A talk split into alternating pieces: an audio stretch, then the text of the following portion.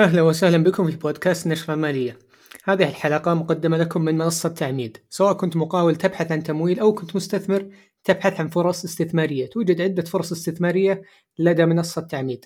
للقراءة أكثر بإمكانكم زيارة الرابط موجود أسفل هذه الحلقة. حياكم الله في هذه الحلقة. في أخبار كثير هذا الأسبوع خاصة آه، موضوع مستثمر آه، مشهور جدا. راح نتكلم عن مسيرته الاستثمارية بالإضافة إلى خبر جوهري لشركة تسلا. قبل ما نبدأ كيف حالك يا عبد الله وأي خبر تبي نبدأ فيه؟ أهلين وائل ومساء الخير للجميع، والله بصراحة كان أسبوع حزين نوعا ما من ناحية فقد العالم الاستثماري لشخصية تشارلي مونجر. آه، المميز في شخصية تشارلي مونجر وائل وأنا أشوف إنه أفضل بداية إنه نتكلم عنه آه، مفيدة مسيرته مفيدة فيها دروس للمستثمرين للبشر عموما على كيف الواحد يتغلب على الصعاب. فللأمانة قصة ملهمة جدا آه، شخصية في بداياتها. طبعا البعض ما يعرف إنه تشارلي مانجر من أوماها نبراسكا نفس مدينة وورن بافيت وما كان يعرف وورن بافيت في طفولته. فالبعض ربما كان يتوقع إنه هو صديق طفولة لبافيت. لا هذا الكلام غير صحيح. هو كان فعليا يشتغل في ال grocery store أو بقالة جد بافيت آه، في فترة طفولته وكان محامي في بداياته. ففي بداية مسيرته خسر منزله لزوجته بعد طلاق آه، كان مؤلم وقاسي وكان في المحاكم. آه، بعدها ولده أصيب بلوكيميا وتوفى في عمر مبكر فكانت صدمة ثانية له وكان عنده مشاكل مادية قوية جدا. كذلك لاحقا واجهته مشكلة إنه خسر إحدى عينيه فكان عنده هذه المشكلة. فمن ناحية المشاكل اللي واجهها مانجر كإنسان كانت كافية تدمر أي إنسان مو مستثمر أي إنسان تدمره. تخليه لا يكون عنده طموح ولا أحلام ولا أي شيء. طبعا لما نيجي نتكلم اليوم مانجر يعتبر يعني من أنجح الشخصيات اللي موجودة في عالم الاستثمار. وائل أتوقع البعض بيقول ولكن يا عبد الله ثروته فقط 2 آه، مليار ونصف أقل من بافيت ال 100 مليار. هو مو الفكرة كذا. الفكرة إنه مانجر آه، بدأ متأخر جدا مقارنة ببافيت. وإحنا دائما نتكلم على ال compounding effect العائد المركب. وفعليا هنا يظهر أثره. لما بافيت يبدأ الاستثمار من عمر مبكر 18 مقارنة بمانجر اللي بدأ في فترات مبكرة ولكن كان عنده انقطاع كبير جدا وكان عنده مشاكل. فأصلا ما كان عنده القدرة إنه يستثمر كان عنده مشاكل مادية. فهذه كلها ساهمت إنه التأثير في زيادة الثروة بشكل مركب اختلف بين الاثنين يعني اختلاف جوهري. مانجر توفي على عمر 99 بافيت اليوم عمره 93 وبافيت اليوم من أكثر الناس الحزينين في الكرة الأرضية. بغياب مانجر لأنه للأسف في مؤتمر بيركشير هاثاوي القادم لأول مرة في تاريخ بيركشير حنشوف وورن بافيت وحيدا على ال stage ويتناول أسئلة الجماهير. وائل يعني قصة مانجر أتوقع طويلة جدا وفيها تفاصيل فالاشياء اللي فوتناها أو مهم نقولها أتمنى إنك تذكرها. أنا ممكن أذكر يا عبد الله قصة من تبين طريقة استثمار آه، مانجر. آه، مانجر كان مشترك في صحيفة Barron's المعروفة بهذه الصحيفة إنها دائما تتكلم على أسهم في أسوأ وقت لها. آه، لأنها صحيفة الكثير من المستثمرين يتابعونها. بالعادة ما تعطيك فرص استثمارية جيدة لانهم دائما يتكلمون عن الأسهم في قمتها. فمانجر كان مشترك في صحيفة Barron's ل 50 سنة. وقال مانجر إنه خلال الخمسين سنة هذه كلها كنت دائما أفتح صحيفة Barron's وفقط أستثمر باستثمار واحد فقط اللي هي شركة Tenneco خلال خمسين سنة فقط أستثمر في شركة واحدة كان كل سنة يقرأ آه، Barron's يدور فرصة استثمارية أختار فقط واحدة وحقق منها 80 مليون دولار. هذه ال 80 مليون دولار آه، عطاها لمستثمر معروف آه، ليلو صندوق استثماري تابع لهذا المستثمر من أصول صينية. هذه ال 80 مليون تحولت إلى 400 مليون عن طريق ليلو. فحرفيا نقدر نقول إنه ربع ثروة آه، تشارلي مانجر كانت بسبب قرارين فقط استثمار Tenneco وثقته في المستثمر ليلو. وهذا يبين طبعا صبر تشارلي مانجر وكذلك المقولة المعروفة اللي هي يعني don't hit all your أو don't shoot all the bats you can بمعنى آخر إذا إذا مو بلازم إنك تغتنم كل الفرص. اختار الفرص الاستثمارية بعناية وبالنهاية راح تحقق أرباح جيدة. وهذا فعلا اللي حصل مع تشارلي مانجر في تاريخ استثماره. نفس الشيء مع بافت ولكن فعلا مانجر استثماراته قليلة جدا لو تركز يا عبد الله. ولكن بالنهاية حقق ثروة كبيرة جدا على الرغم إنه بدأ متأخر. ويمكن النقطة المهمة اللي بينت ثقل مانجر في العالم هذا كله اللي هو فلسفته. آه، مانجر كإنسان يعتبر حكيم جدا عنده دروس حياتية صقلت شخصيته بشكل كبير جدا فعنده حكم جميلة عنده العديد من الأفكار المثيرة للاهتمام لأنه النماذج الفكرية اللي دائما في Farnam Street آه، blog نقرأ عنها وائل آه، أغلبها من مانجر.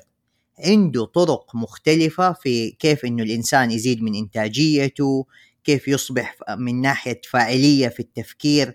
عنده الصراحة نماذج فكرية أكثر من رائعة. يمكن تكلمنا عنها في تويتر سابقا وتناولناها وللمعلومية أغلب الأشياء اللي اليوم نافال يتناولها أو أفكار موجودة عنده كثير منها ترى يعني نوعا بشكل من الأشكال موجودة عند مانجر. فهذا النوع من الأفكار الملهمة موجودة عند مانجر ويعتبر شخصية ثقيلة جدا في عالم الاستثمار وشخصيته مختلفة عن بافيت من ناحية إنه صريح. يعني بافيت دبلوماسي يحاول ما يزعل الناس بينما في المقابل مانجر شخص straight آه، forward مباشر آه، ودائما حتى أجوبته على الأسئلة. شفنا ردوده بعض المرات تكون حتى قاتلة للصحفيين مقارنة ببافيت اللي دائما ما يكون هادي ورزين. ممكن البعض يسأل بعد وفاة منقر هل راح تتأثر شركة Berkshire؟ آه، طبعا منقر آخر خمسة أو ست سنوات ما كان له آه، ظهور مباشر في شركة Berkshire فما أعتقد راح يكون في أي أثر آه، ولكن شركة Daily Journal هي شركة تابعة لمنقر شركة صغيرة قيمتها يمكن 400 مليون البعض يتوقع أنه راح يكون في تأثير كبير بحكم أنه شارلي منقر كان يختار الأسهم الاستثمارية للشركة آه، طبعا طلعوا تصريح شركة Daily Journal إنه من فترة طويلة آه، كان في succession plan فبالتالي المفترض إنه ما راح يكون في تأثير آه، ولكن السهم انخفض انخفاض بسيط بعد الخبر ولكن Berkshire ما تأثرت تماما ولا أتوقع انها راح تتأثر بحكم إنه آخر فترة تشارلي مانجر كان بعيد عن اختيارات الاستثمارية في شركة Berkshire. وائل مانجر توفى بعمر 99 سنة واتذكر جيدا يعني قبل شهرين من اليوم كنا بنتكلم إنه إن شاء الله في يوم واحد يناير 2024 كنا مجهزين موضوع طويل جدا وحلقة خاصة بمناسبة وصوله للمئة عام بس مشيئة رب العالمين كانت أكبر من أي شيء. فتوفي في الأسبوع الحالي خبر حزين للعالم الاستثماري ولكن عموما أتمنى من جميع المستمعين إذا عندكم وقت أقرأوا أكثر عن مسيرة مانجر وكذلك عن نماذجه الفكرية اللي أنا أشوفها مفيدة للشباب لرجال الأعمال للمستثمرين لكل أحد. طيب وائل بعيدا عن منقر يعني في أخبار ثانية هذا الأسبوع فياريت نروح الموضوع الثاني. ممكن يا عبد الله نتكلم على موضوع تسلا المهم اللي هي سيارة Cybertruck. آه، هذه السيارة يا عبد الله طبعا إيلون ماسك تأخر عن وعده بإنتاج هذه السيارة. ونتذكر أول ما أعلن عن السيارة لما انكسرت قزازه السيارة على أساس إنها ما راح تنكسر فكانت في إشكاليات في بداية هذه السيارة. ولكن رسميا تم إعلان عن توصيل أول سيارة وكذلك راح يبدون بتوصيل السيارات من بعد الإعلان. في العديد من الطلبات لهذه السيارة وصراحه تصميم السيارة جدا جدا ملفت. آه، نصف الناس يعني ما عجبهم التصميم ابدا بينما النصف الآخر حس انه التصميم جدا مميز وجميل و وهذا طبعا واضح من عدد الطلبيات على سيارة السايبر تراك. أعتقد أكثر من مليونين طلب على سيارة ال Cybertruck والكثير متوقع إن هي راح تكون مفتاح النمو آه، لشركة تسلا. آه، بعض الأمور الملفتة عن السيارة وقت الإعلان كان في سباق ما بين سيارة ال Cybertruck وسيارة ال nine 11 آه، وال Cybertruck كانت تحمل سيارة 911 بمعنى إنها كانت تسابق ال 911 وهي تحمل سيارة سيارة 911 وبالنهاية سبقت 911 فيعني هذا يبين طبعا سرعة آه، السيارة من صفر إلى 60 آه، مايل أو من صفر إلى 100 كيلو ب 2.6 2.6 ثواني. فيعني السيارة سريعة جدا على الرغم إنه حجمها كبير جدا. السيارة المفروض إنها بولت بروف المفروض إنها جدا آمنة. تصميمها جدا غريب. البعض يشكك في في يعني صناعة السيارة بحكم إنه سيارات تسلا دائما فيها مشاكل في الصناعة فالكثير آه، منتظر إنه يشوف سيارة ال Cybertruck قبل ما يشتريها وأنا كذلك منهم لأنه فعلا السيارة تصميمها مميز. ولكن إلى الآن ما شفنا هل هل راح تتحمل آه، خاصة أجواءنا في منطقتنا هل راح تتحملها أو لا؟ تصميم آه، غريب ومميز visionary للأمانة. يعني دائما رؤية إيلون ماسك مميزة وعجبتني فكرة الإعلان. رغم إني من محبين 9-11 والبعض كان يشوفها نوعا ما فيها إهانة ولكن فعليا فكرة ذكية جدا. عندك سيارة أيقونية اللي هي 9-11 من بورش. في المقابل السايبر ترك سيارة جديدة شكلها مميز عليها حماس عالمي كبير جدا. آه، ف عجبني عجبني الإعلان كثير وهذه السيارة من المتوقع إنها تعيد جزء كبير من التوهج اللي فقدته سيارات تسلا لأنه فعليا ذكرنا يمكن في البودكاست كثير إنه تسلا ما تركز على الشكل. يعني لو نلاحظ أغلب الشركات عندهم facelift عندهم تجديد لشكل السيارة في المقابل تسلا تركز على التقنية على إنتاج موديلات جديدة من السيارات وأنواع جديدة فنوعا ما ممكن ربما التوهج يعود. وإلا حستغل أنا المناسبة هذه ونتكلم على تصريحات إيلون ماسك المجنونة. لأنه للأمانة آه، إيلون يعجبنا كشخص و... وكرائد أعمال مجنون. يعني عنده أفكار دائما ما تكون تغير من العالم. ولولا جنون إيلون كان ما كان وصل لهذا النجاح اللي هو موجود فيه. بس إنه تصل إنه نوعا ما ردة فعل كانت شرسة جدا في المقابلة اللي كانت معاه. يعني أنتقد تم سؤاله إنه إيش رأيك في الناس اللي قاطعوا منصة إكس تويتر سابقا بخصوص الدعاية وطبعا منهم ديزني؟ فشفنا يعني كلمات نابية ردة فعل شرسة جدا من إيلون. يعني للأمانة وائل بين كأنه ما يفرق معاه ولا شيء في العالم. طبعا التصريحات كانت في مقابلة ال DealBook مع نيويورك تايمز. آه، قال أشياء كثير إيلون ماسك. من الأشياء اللي أنا الصراحة كانت مثيرة للاهتمام بالنسبة لي ذكر معلومة إنه لو شركة شحن سيارات التسلا كانت شركة منفصلة راح تكون Fortune 500 company فيعني هذا يبين حجم آه، شركة تسلا من ناحية الشحن. والمعروف أيضا أنه شحن سيارات تسلا صار هو standard للسيارات الكهربائية الأخرى منها لوسيد منها فورد منها GM. فيعني هذا business في داخل تسلا جدا كبير. من ناحية التصريحات الغريبة في المقابلة طبعا ذكر أنه لا يهتم اذا المعلنين لم يعلنوا في منصة إكس آه، كذلك ذكر أنه أي شخص يحاول يبتزه بالفلوس يعني هذا شخص غريب خاصة إنه هو أغنى شخص في العالم. أعتقد مستقبل إكس يا عبد الله راح يكون بعيد عن المعلنين. إكس إلى الآن يواجهون مشاكل مع المعلنين. آخر أرقام إكس كانت أقل بكثير من ايرادات تويتر ما قبل الطرح.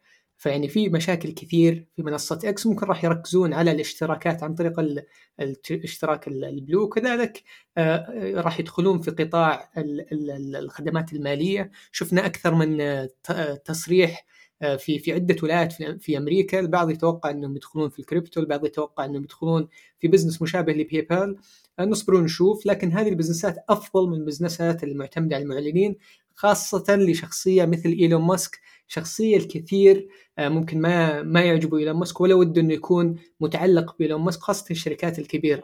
فبطبيعة الحال راح يتأثر إذا كان معتمد على إيرادات من المعلنين. خبر آخر وائل كان مثير للاهتمام هذا الأسبوع. كان في سلسلة آه، مطاعم الإفطار الشهيرة في أمريكا بانيرا بريد آه، تنوي الشركة إنها تطرح في الأسواق الأمريكية. يعني بانيرا بريد أنا أتوقع المستمع في العالم العربي ربما ما عمره سمع عنها بس تتكلم على سلسلة عندها قرابة الألفين فرع آه، مشهورة بشكل كبير في الإفطار وكذلك وجبات الغداء. يركزوا على ال soups على السندوتشات على السلطات فيميلوا أكثر لطل... انها تكون خيار صحي في في مقابل ال fast food. فتركيزهم كبير على الفئة النسائية على الناس اللي مركزين على صحتهم.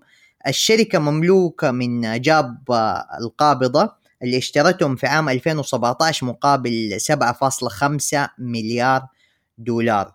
ففعليا أنت بتتكلم على شركة من ناحية الحجم آه، ما هي صغيرة.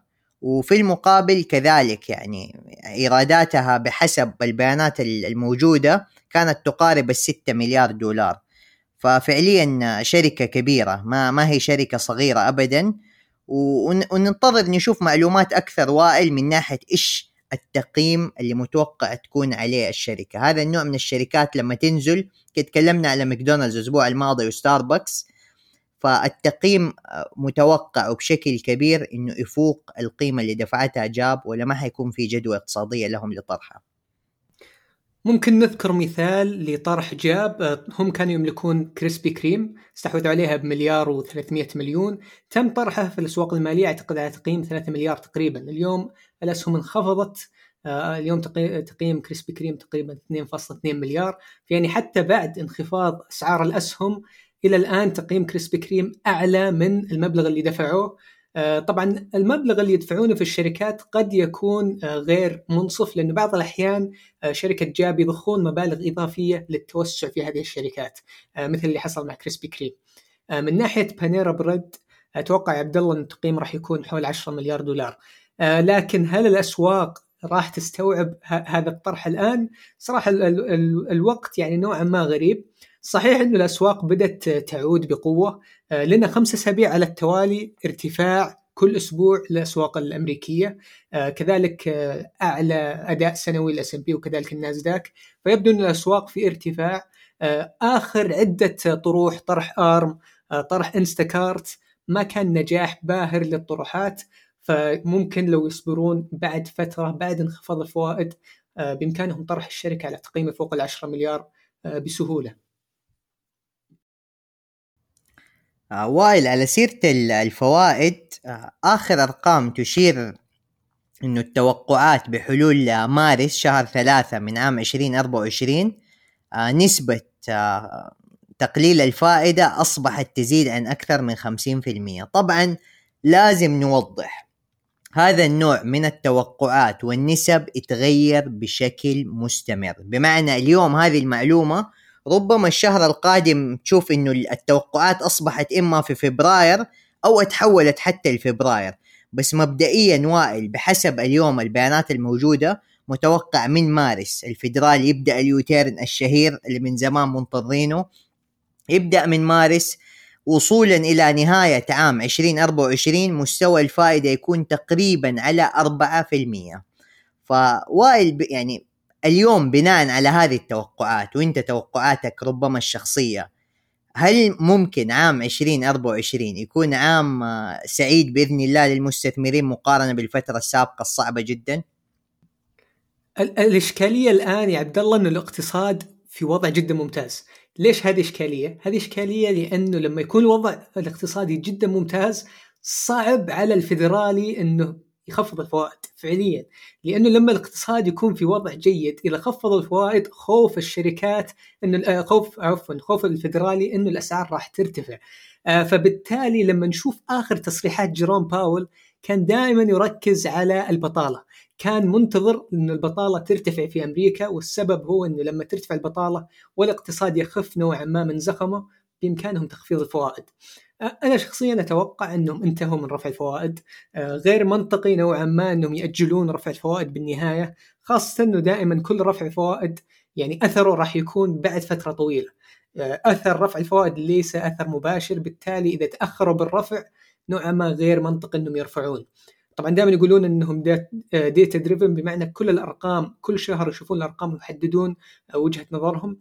ولكن على الفوائد الحالية 5.5% آه، يعني رقم عالي يعتبر بالتالي ما أتوقع راح يرفعون. من ناحية التخفيض أتوقع راح آه، راح ياخذ وقت التخفيض خاصة الاقتصاد في وضع جيد إلى الآن. فممكن بعد على الأقل ست أشهر ممكن بعدها راح نبدأ نشوف تخفيض على وتيرة بطيئة.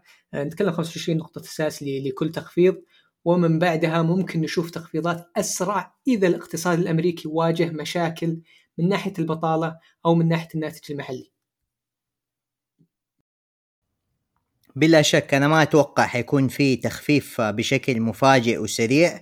أتوقع الفيدرالي للأمانة تحت قيادة جيرام باول بشكل كبير جدا آه، نجح في تهدئة الأسواق ويعني و... و... يعني المشكلة هذه اللي واجهناها في كورونا في البداية كان عندنا انتقادات قاسية لو تتذكر وائل لجيروم باول على سوء إدارة الموقف.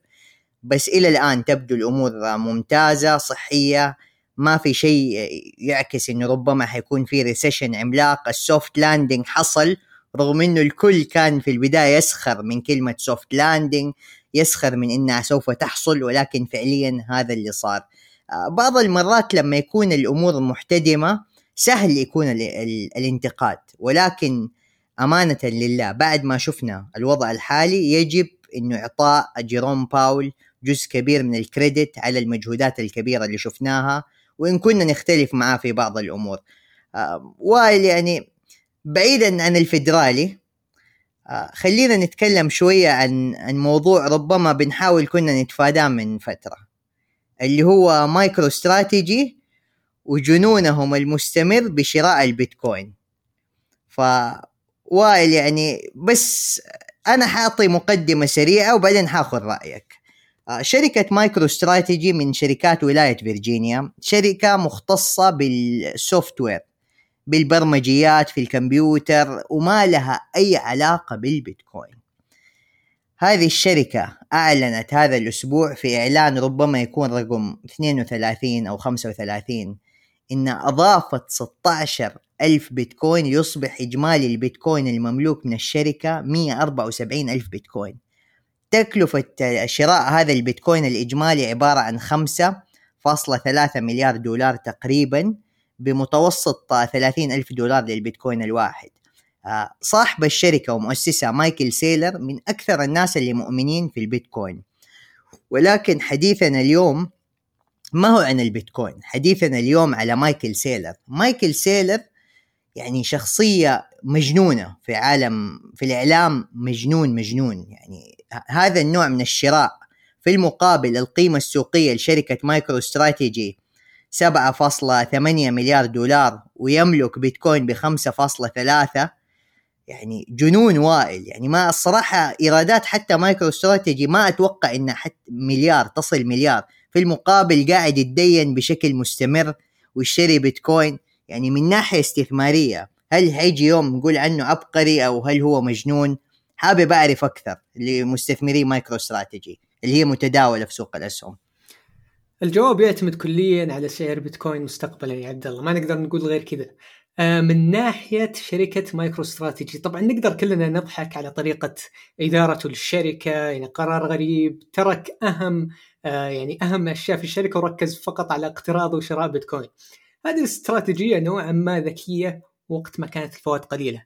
وقت ما كانت الفوائد قليلة طالما إنك تقترض وتشتري أصل راح يرتفع أعلى من تكلفة الفوائد ما عندك أي إشكالية. وخاصة من ناحية الضرائب الفوائد بالنهاية تقدر تسوي عليها deduction فيعني من كل هذه النواحي كانت فكرة جيدة. ولكن اليوم مع ارتفاع الفوائد وبدأ يقترض على أسعار عالية هنا هنا نوعا ما إشكالية. ولكن لو تشوف يا عبد الله أسهم مايكرو استراتيجي ما قبل موضوع بيتكوين واليوم نشوف ارتفاع أكثر من 300% ففعليا فعليا الشركة استفادت. آه، هل استفادت لأن عدد كبير من المستثمرين ضخموا من قيمة الشركة؟ ممكن نقول كذا. ولكن بالنهاية مساهمين مايكرو استراتيجي مستفيدين مايكل سيلور مستفيد ولكن المخاطرة في الشركة ارتفعت. الشركة فعليا فيها مخاطرة الأفلاس. اذا انخفضت أسعار بيتكوين تحت سعر معين. شركة مايكرو استراتيجي ممكن تفلس فقط بسبب امتلاكهم لهذا البيتكوين عبر القروض. فيعني high risk high reward استفادت شركة مايكرو استراتيجي نصبر ونشوف مستقبل بيتكوين لأنهم مرتبطين ارتباط مباشر مع بيتكوين. طبعا الشركة مرتفعة 244% منذ بداية العام. رقم مجنون بكل ما تعنيه الكلمة متوسط عائد ال S&P 10% فهذا النوع من الارتفاعات جنوني. وائل قبل ما نختم خبر بسيط ويجب انه نتطرق له اللي هو إدراج أو دخول شركة أوبر إلى مؤشر ال S&P 500 أخيرا. وائل بس لو بشكل سريع تشرح لنا كيف الشركات ممكن تدخل إلى مؤشر الاس ام بي 500 على عجالة يا عبد الله ال S&P 500 هي أكبر 500 شركة في أمريكا من ناحية قيمة ال float. بمعنى قيمة الأسهم المطروحة في السوق الأمريكي قيمتها نشوف أكبر 500 وكذلك فيه اجتماع ما بين اللي يحددون الأسهم في ال S&P فبالتالي بعض الأحيان في شركات المفترض إنها تدخل ولكنها ما تدخل مثل اللي حصل مع تسلا في بدايات الشركة. آه كذلك في مرات عشان يتجنبون اللي يسمونه ال front running بحيث الصناديق تشتري الأسهم قبل دخولها للمؤشر بعض الأحيان يتم تأجيل أو يتم تبكير دخول أسهم إلى المؤشر. هذا اللي حصل مع أوبر. أوبر دخلت مؤشر S&P 500 وكذلك شركة آه جابل وشركة بيلدرز وتم خروج ثلاث شركات شركة ألاسكا إير سولار إيدج سيلد إير. بالتالي كل هذه الشركات اللي دخلت راح نشوف دخول مليارات الدولارات في أسهم هذه الشركات. وفعلا أسهم أوبر ارتفعت. بينما أسهم اللي خرجت راح نشوف خروج مليارات الدولارات منها عن طريق الصناديق. شكرا لكم لحسن استماعكم. كان معكم وائل المطلق وعبد الله مشاط في حلقة من بودكاست نشرة المالية بإذن الله حلقة جديدة كل يوم أحد نراكم على خير.